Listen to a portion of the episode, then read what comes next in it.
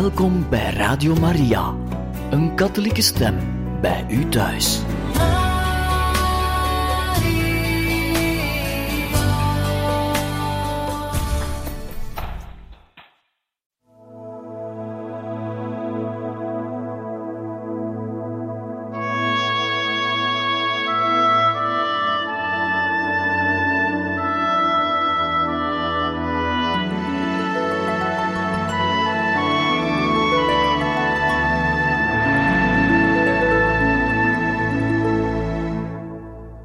Het jaar 1907.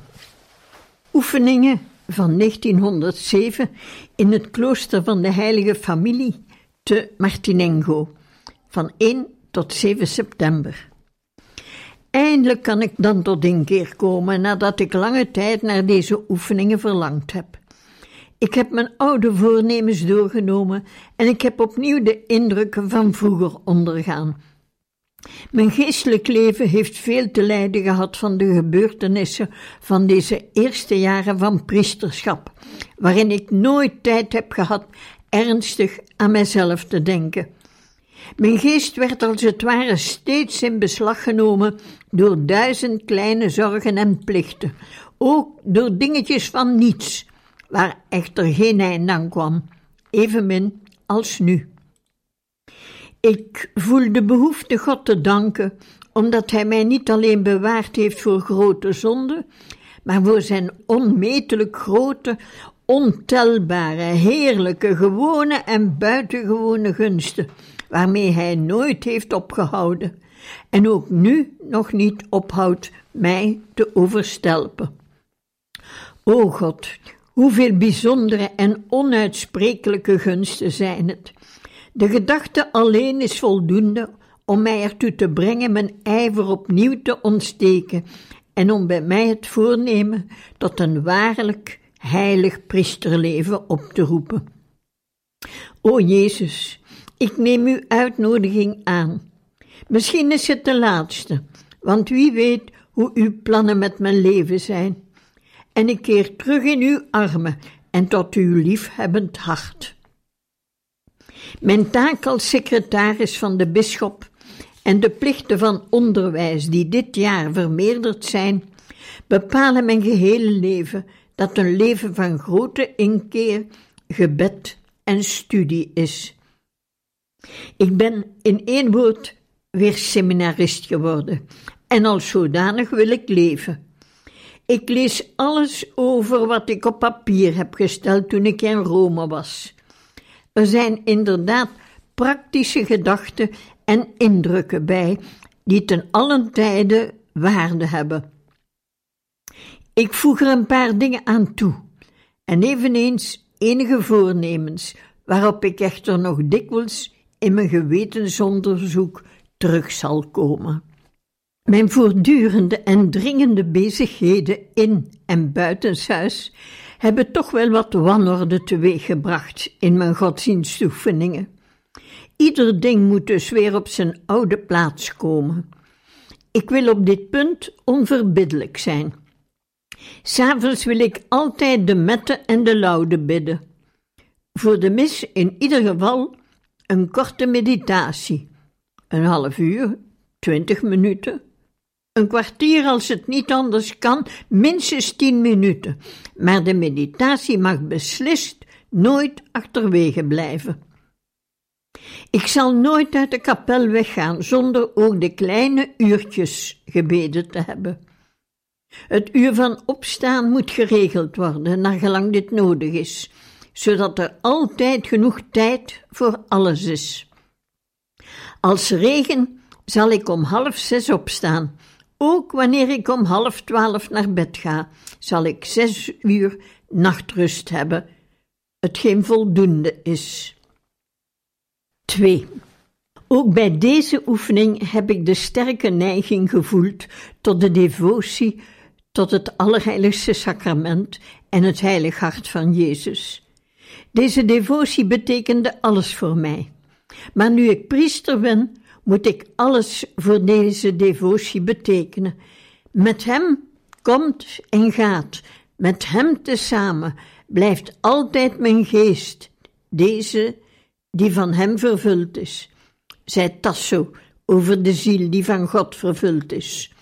Zo moet ook mijn leven zijn rond het Allerheiligste Sacrament. Het dagelijkse altaarbezoek zal ik nooit overslaan. Ik zal zelfs proberen, ook in de loop van de dag, dikwijls tot Jezus terug te keren, al was het alleen maar om Hem te groeten. Ik moet tegenover Jezus die manieren in acht nemen die ik ook tegenover een vriend, wiens gastheer ik zou zijn, zou betrachten. Mijn devotie tot het Allerheiligste Sacrament en het Heilig Hart moet mijn gehele leven in beslag nemen, mijn gedachten, mijn genegenheden en mijn handelingen, zodat ik slechts voor en door mijn devotie leef. Ik zal veel aandacht besteden aan mijn voorbereiding voor en dankzegging na de heilige mis. Ik vestig ook de aandacht op mijn maandelijkse afzondering, die ik op de eerste zondag van iedere maand zal houden, of op de eerstvolgende geschikte dag, en op het gewetensonderzoek, dat ik nauwgezet zal houden in de namiddag na de vespers. 3. Een van mijn voornaamste gebreken is dat ik nog niet de juiste tijdsindeling heb gevonden. Ik moet de manier vinden om veel dingen te doen in weinig tijd. Daarom zal ik er bijzonder op letten geen enkele minuut verloren te laten gaan met nutloze zaken, zoals met doelloos praten. Direct na het ontbijt zal ik zorgen voor de aangelegenheden die mij krachtens mijn ambt zijn opgedragen, zoals de correspondentie. Alle verdere tijd blijft mij over voor het onderwijs, waarop ik mij altijd met grote ijver zal voorbereiden. De kranten zal ik lezen als ik erg moe ben, na de maaltijd, of bijvoorbeeld onder de wandeling, of tussendoor. Iedere dag zal ik, vooral s'avonds, alvorens te gaan slapen, een goed boek lezen dat voor mijn geestelijk leven van belang is. 4. Mijn taak als secretaris van de bisschop legt mij zware verplichtingen en uiterste nauwgezetheid op. Ik zal er voortdurend op bedacht zijn om mij zowel aan het een als aan het ander te houden.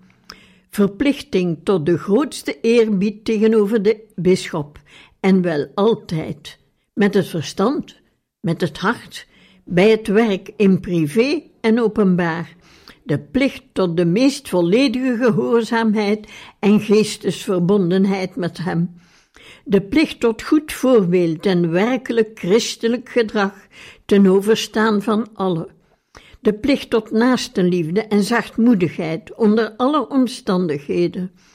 Uiterste oplettendheid zal ik moeten betrachten in het spreken, weinig, maar goed bovenal weten te zwijgen, zonder nadruk echter, zonder dat iemand van mij kan zeggen dat ik zwaarwichtig ben, met voortdurende inachtneming echter van de grootst mogelijke kalmte van geest en opgewektheid tegen alle en de grootste hoffelijkheid in manieren en woorden, zodat niemand zich beledigd kan voelen. Ik zal om kort te gaan, de raad van de heilige Paulus aan Titus volgen.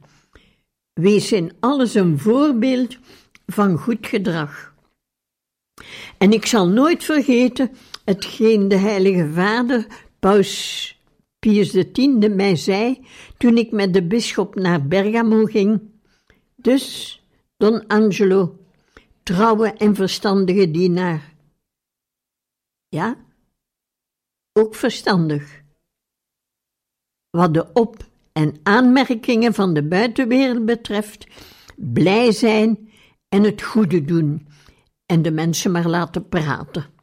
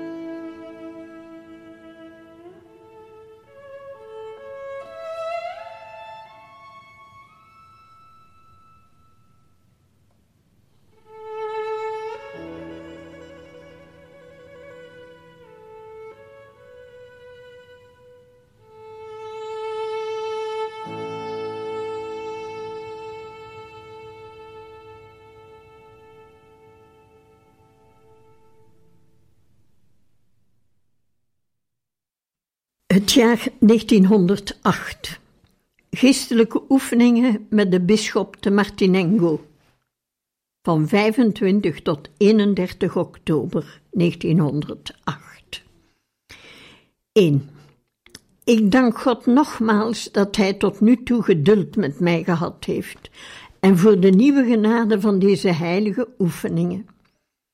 Het allereerste resultaat is een diep gevoel van mijn bijzonder grote erbarmelijkheid en de hernieuwing van het oude voornemen mij tot iedere prijs te willen heiligen en hier onmiddellijk mee te willen beginnen, want de mooie en kostbare jaren gaan gauw voorbij.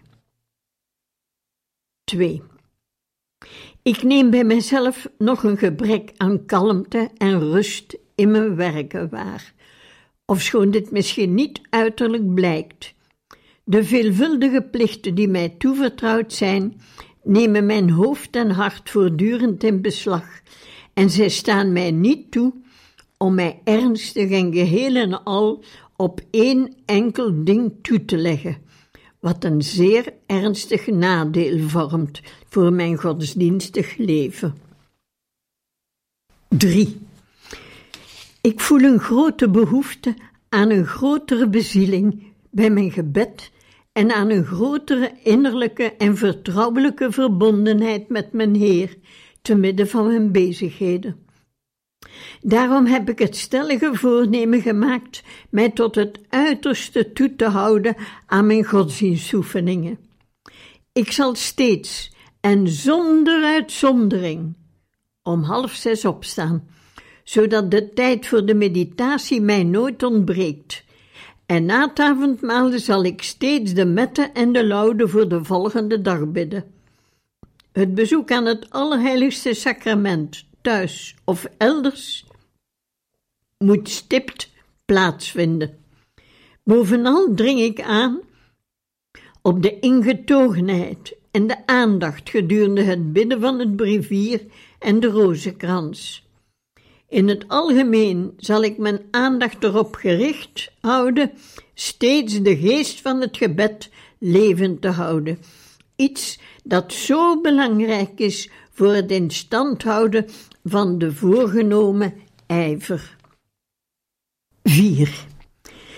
In deze dagen heeft het mijn goede Heer behaagd mij dieper te doen doordringen in het begrip dat ik mij moet vormen van het priesterschap en dat ik in mijn leven gestalte moet geven. Ik moet mijzelf steeds in de handen van God beschouwen, als ware ik een slachtoffer, gereed tot het offer van mijzelf, van mijn ideeën, van mijn geriefelijkheden, mijn eer, van alles wat ik heb, voor de eer van God, van mijn bisschop, voor het heil van mijn geliefd diocees, een offer, rein, levend, heilig, aangenaam aan God. Ik zal er een gewoonte van maken altijd na te denken over de zeer diepe betekenis van deze woorden. Zo zal ik, zonder mijn toevlucht te zoeken tot buitenissigheden, de wijze vinden om mij altijd te vernederen, speciaal waar het mijn eigen liefde en mijn gemak betreft, om mij nooit te beklagen en om nooit de innerlijke opgewektheid te verliezen, die ook naar buiten uit, al mijn, uit daden spreekt. In het bijzonder zal ik hieraan denken wanneer ik de heilige mis celebreer en mij met Jezus Christus, de hoge priester en het goddelijk offer voor de gehele wereld verenig. Wat is het heerlijk onvermoeibaar door te werken en in stilte de kleine bitterheden van de dag te ondergaan, zonder ooit van mijn stuk te geraken en het verlangen meer te willen leiden, steeds fris en levend te houden, om zodoende steeds beter tot het ware heil van de diocees bij te dragen en de goede meester Jezus Christus te behagen. 5.